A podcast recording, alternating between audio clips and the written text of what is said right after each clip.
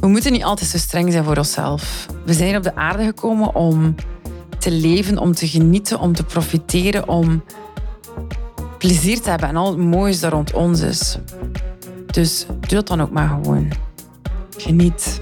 Daarvoor zijn we hier.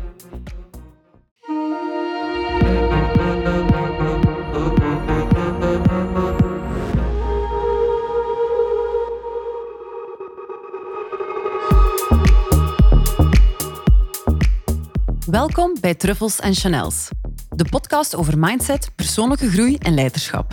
Waar we geen enkel onderwerp uit de weg gaan, met als doel jou je rijkste leven laten leven.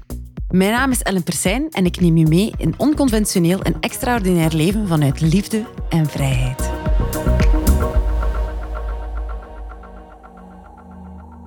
Welkom bij een nieuwe aflevering van Truffles and Chanels. In deze aflevering wil ik een ehm, post delen met jullie die ik uh, tegenkwam op Instagram en die ik quasi volledig devoured heb of opgegeten heb, om het zo te noemen. Ieder puntje van deze post was zo voor mij zo logisch, zo kloppend, zo treffend. En ik denk dat deze 40 puntjes iedereen kan helpen aan de dag van vandaag om wat bewuster te worden en om wat milder te zijn tegen onszelf. Puntje 1 was appreciate happiness when it's there. Waardeer geluk wanneer het er is. We zitten zo op onze sneltrein van ju, en vooruit, vooruit, vooruit, dat we niet doorhebben dat we eigenlijk het geluk dat we nu gecreëerd hebben, eigenlijk moeten leven en mogen van genieten. En die mildheid voor onszelf aan de dag mogen leggen om even te stoppen en te omarmen wat er al is.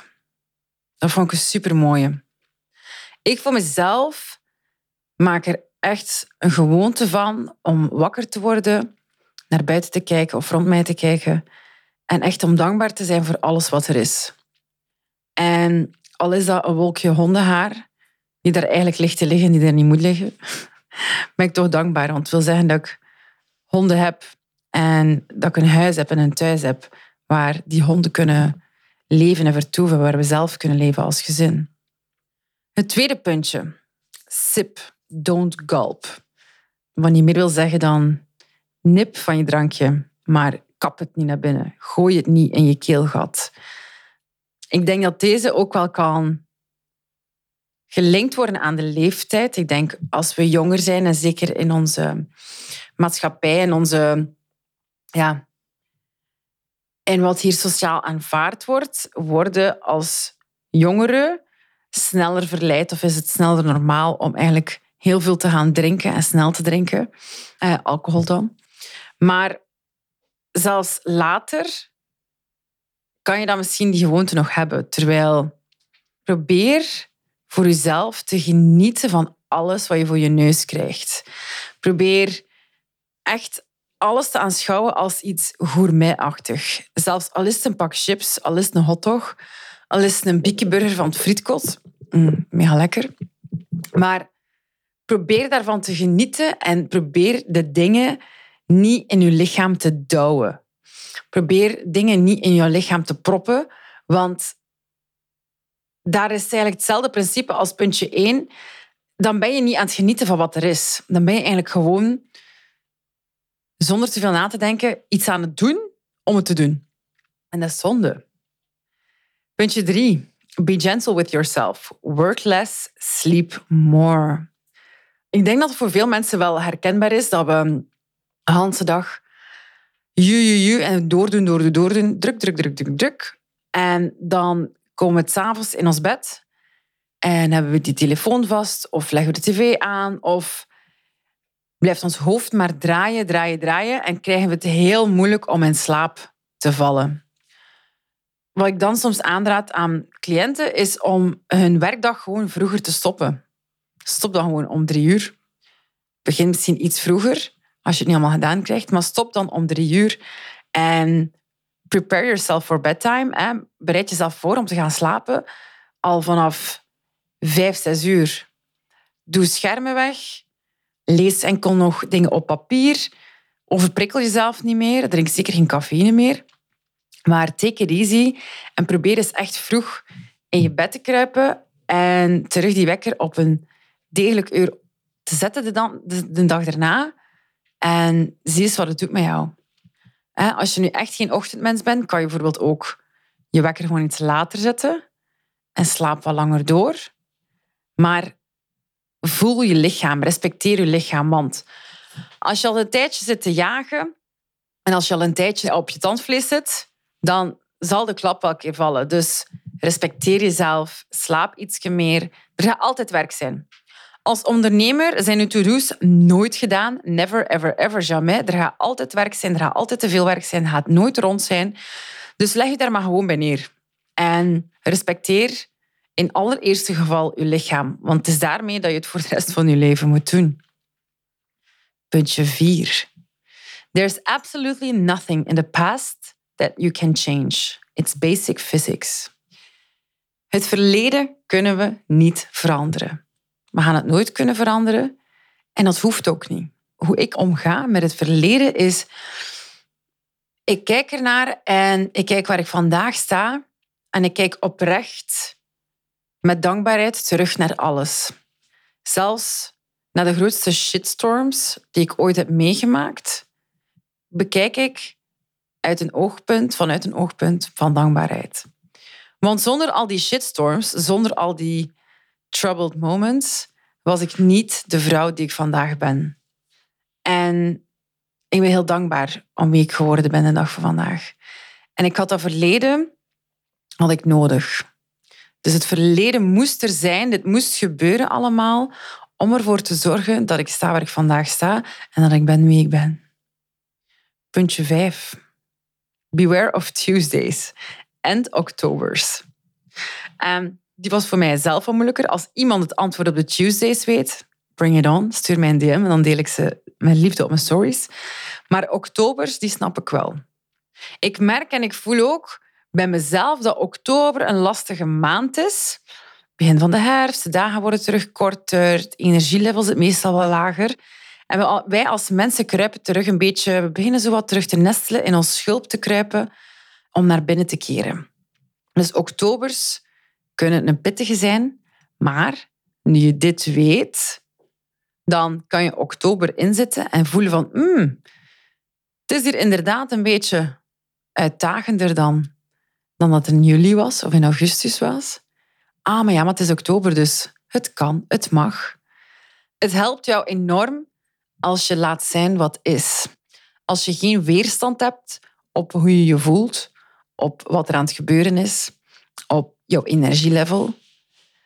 Weerstand maakt het gewoon nog erger.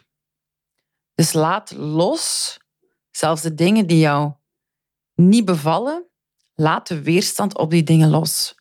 Want wat is, dat is. En het is ook heel vaak als we gewoon op de golf kruipen en we laten ons gewoon meevoeren met de golf en in vrede met wat is, gaat hij vaak veel sneller voorbij. Puntje 6. Kurt Vonnegut was right. Reading and writing are the most nurturing forms of meditation anyone has so far found.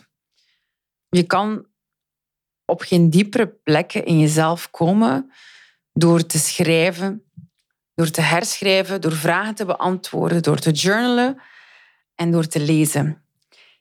Iedere keer dat ik een boek vastpak en ik lees dingen, ik zoiets van wow, ja, ja, ja, dat is, dat is inderdaad. Ieder boek dat ik lees, gaat mijn brein terug weer met vijf graden open, zeg maar. De expansion dat je krijgt door te lezen van goede schrijvers en van minder goede schrijvers, überhaupt zelfs, is ongelooflijk. Gewoon omdat je jezelf in een ander zijn wereldbeeld bevindt, zorgt ervoor dat jouw wereldbeeld zoveel vrijer kan worden en veel groter kan worden. 7.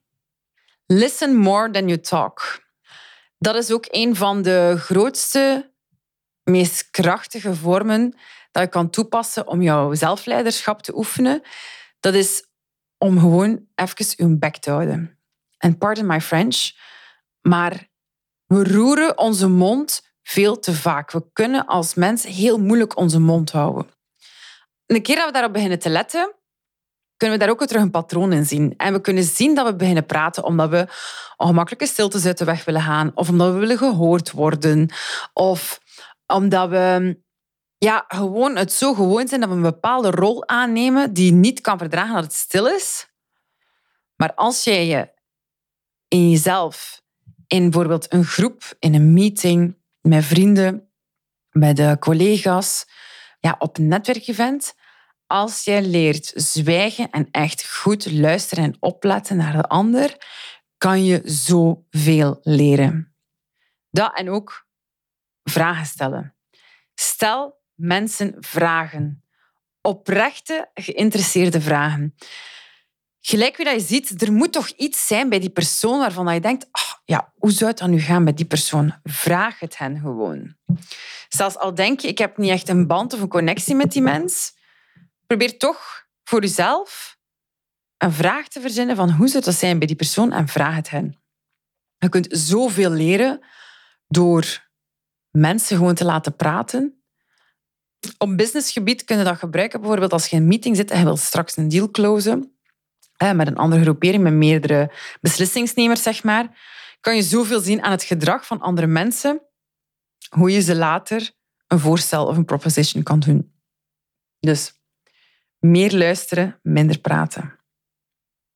8. Don't feel guilty about being idle. More harm is probably done to the world through work than idleness. What is being idle?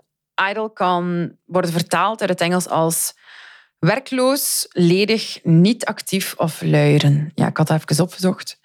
Inactief of stilstaand. Dus kan vertaald worden door ja, gewoon even niets doen. Gewoon even een beetje lui zijn. Voel je daar niet schuldig over. We mogen allemaal wel een beetje lui zijn. Er is ooit zo ergens een stigma op luiheid geplakt ook. Ik was uh, vorige week op um, opleiding bij Jan Geurts. En um, daar moesten we elk onze grootste verhaal dat we in onszelf hebben, door onze opvoeding en onze zelfafwijzing, moesten we luidop zeggen. En er waren heel veel mensen die zeiden van... Hè, je moest dan eigenlijk zeggen wat dat voor jou was hè, in de tegenwoordige tijd. En heel veel mensen zeiden, ik ben lui en ik ben niet waardevol. En die zijn gelinkt aan elkaar. En ik had zoiets van, wow, dat is echt heftig. Dat door een bepaald opvoedingspatroon of door ja, ons reguliere schoolsysteem kan je zo snel bestempeld worden als lui, omdat je gewoon waarschijnlijk misbegrepen wordt. Of omdat je brein anders functioneert. Of omdat je bijvoorbeeld altijd heel goede punten had en mensen hadden verwacht van jou dat je ik weet niet wat ging doen in de wereld. En nu doe je iets en dat vind je voor jezelf niet goed genoeg. Dus je vindt jezelf lui. En je begint met zelfafwijzing, omdat andere mensen misschien andere plannen hadden met jou, voor jouw leven. Ja, dat is, dat is voor mij compleet van de pot gerukt. En het is zo jammer dat mensen daaronder lijden, onder een visioen, onder een visie, onder een hoopfulness dat iemand anders had. En die iemand anders kan bijvoorbeeld uw ouders zijn of uw leerkracht vroeger of whatever. Maar waar gaat het over? Dat je ook gewoon even lui mag zijn. Je moet niet altijd high-performing zijn. Wie zegt er zelfs dat je moet high-performing zijn? Er is veel meer schade toegebracht, zegt deze achtste zin, veel meer schade toegebracht door heel veel en heel hard te werken, ehm, dan dat luiheid ooit schade heeft toegebracht. Dus terug die mildheid. We moeten niet altijd zo streng zijn voor onszelf. We zijn op de aarde gekomen om te leven, om te genieten, om te profiteren, om plezier te hebben en al het moois dat rond ons is. Dus doe het dan ook maar gewoon. Geniet. Daarvoor zijn we hier. Puntje 9. Be aware that you are breathing.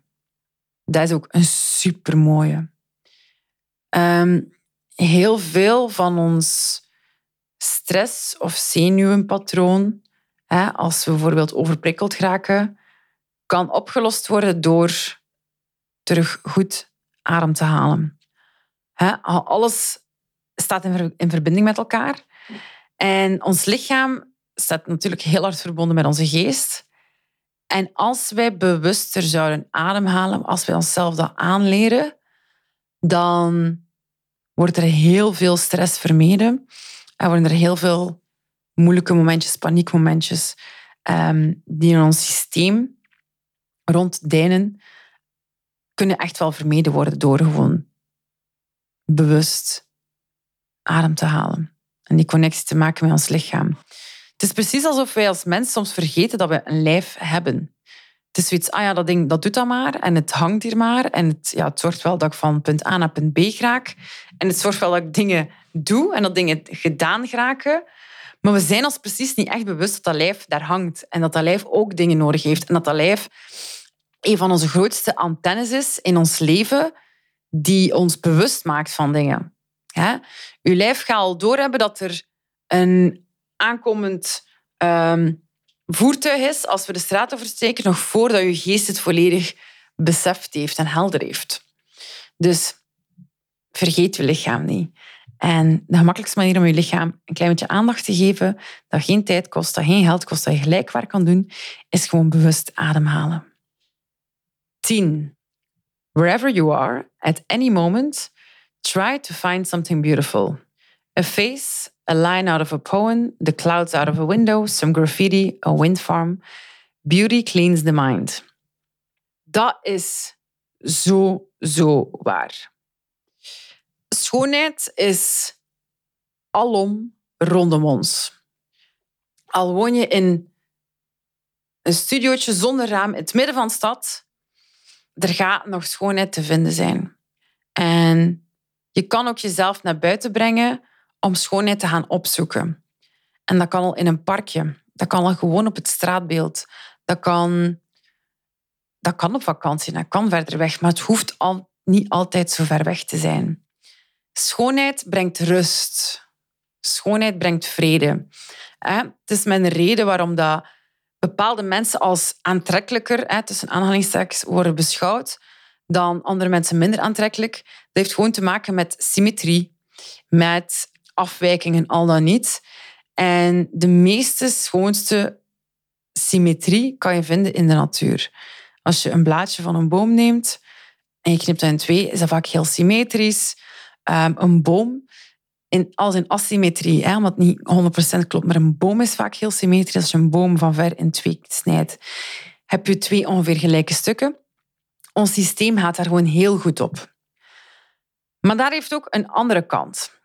Als je bij jouzelf en bij jou thuis opmerkt dat er veel niet in orde is, en dat is bijvoorbeeld al weken zo of maanden zo, of er is nu al een jaar een gatje in die muur dat eigenlijk zou moeten opgevuld worden en dat maar niet opgevuld wordt en dat eigenlijk een storende factor is op die muur, dat neemt kalmheid weg. Dan neemt sereniteit weg. Als er al zes maanden een kapotte fiets staat op het koertje of in het gangetje naar de tuin, dan brengt dat onrust. Dus hier bij de uitnodiging, probeer voor jezelf een keer te zien wat werd er eigenlijk al heel even op mijn zenuwen. Want iedere keer als je oog dat punt terugvangt, verlies jij weer energie en brengt dat onrust in je leven. Dus visuele rust brengt kalmheid. En dat kan ook zijn met opruimen. Hij wilt echt niet zien hoe dat mijn bureau er momenteel uitziet, want het is wow, het is heftig. Maar terug een uitnodiging voor mezelf om mijn bureau op te klaren. Maar fysiek dingen zien die niet kloppen, die beter kunnen in je omgeving, brengt onrust. Dus haal die dingen weg. Heel vaak is ja, een gatje vullen. Ik snap soms een ganse regeling, want oké, je moet naar een brico gaan, je moet van dat vulmiddel kopen, je moet, dan, hè, je moet het dan vullen. Maar de, het plezier dat je hebt, een keer dat je het gewoon even gedaan hebt, is onbeschrijfelijk. En dan heb je gewoon van de rest van je dagen dat je daar bent, heb je visuele en mentale rust. Ik ga in de komende podcast ga ik er zo tien doen. Er zijn er veertig in totaal. Dus hou je klaar voor de volgende podcast, want er komen er nog 30 prachtige aan. Ik wens je nog een heel fijne dag en ik hoor jullie snel terug.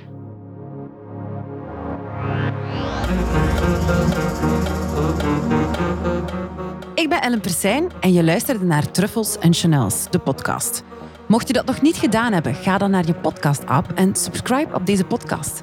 Vond je het waardevol? Vergeet zeker geen like, rating of review na te laten. Ik zie je graag bij een volgende keer terug bij Truffles en Chanels.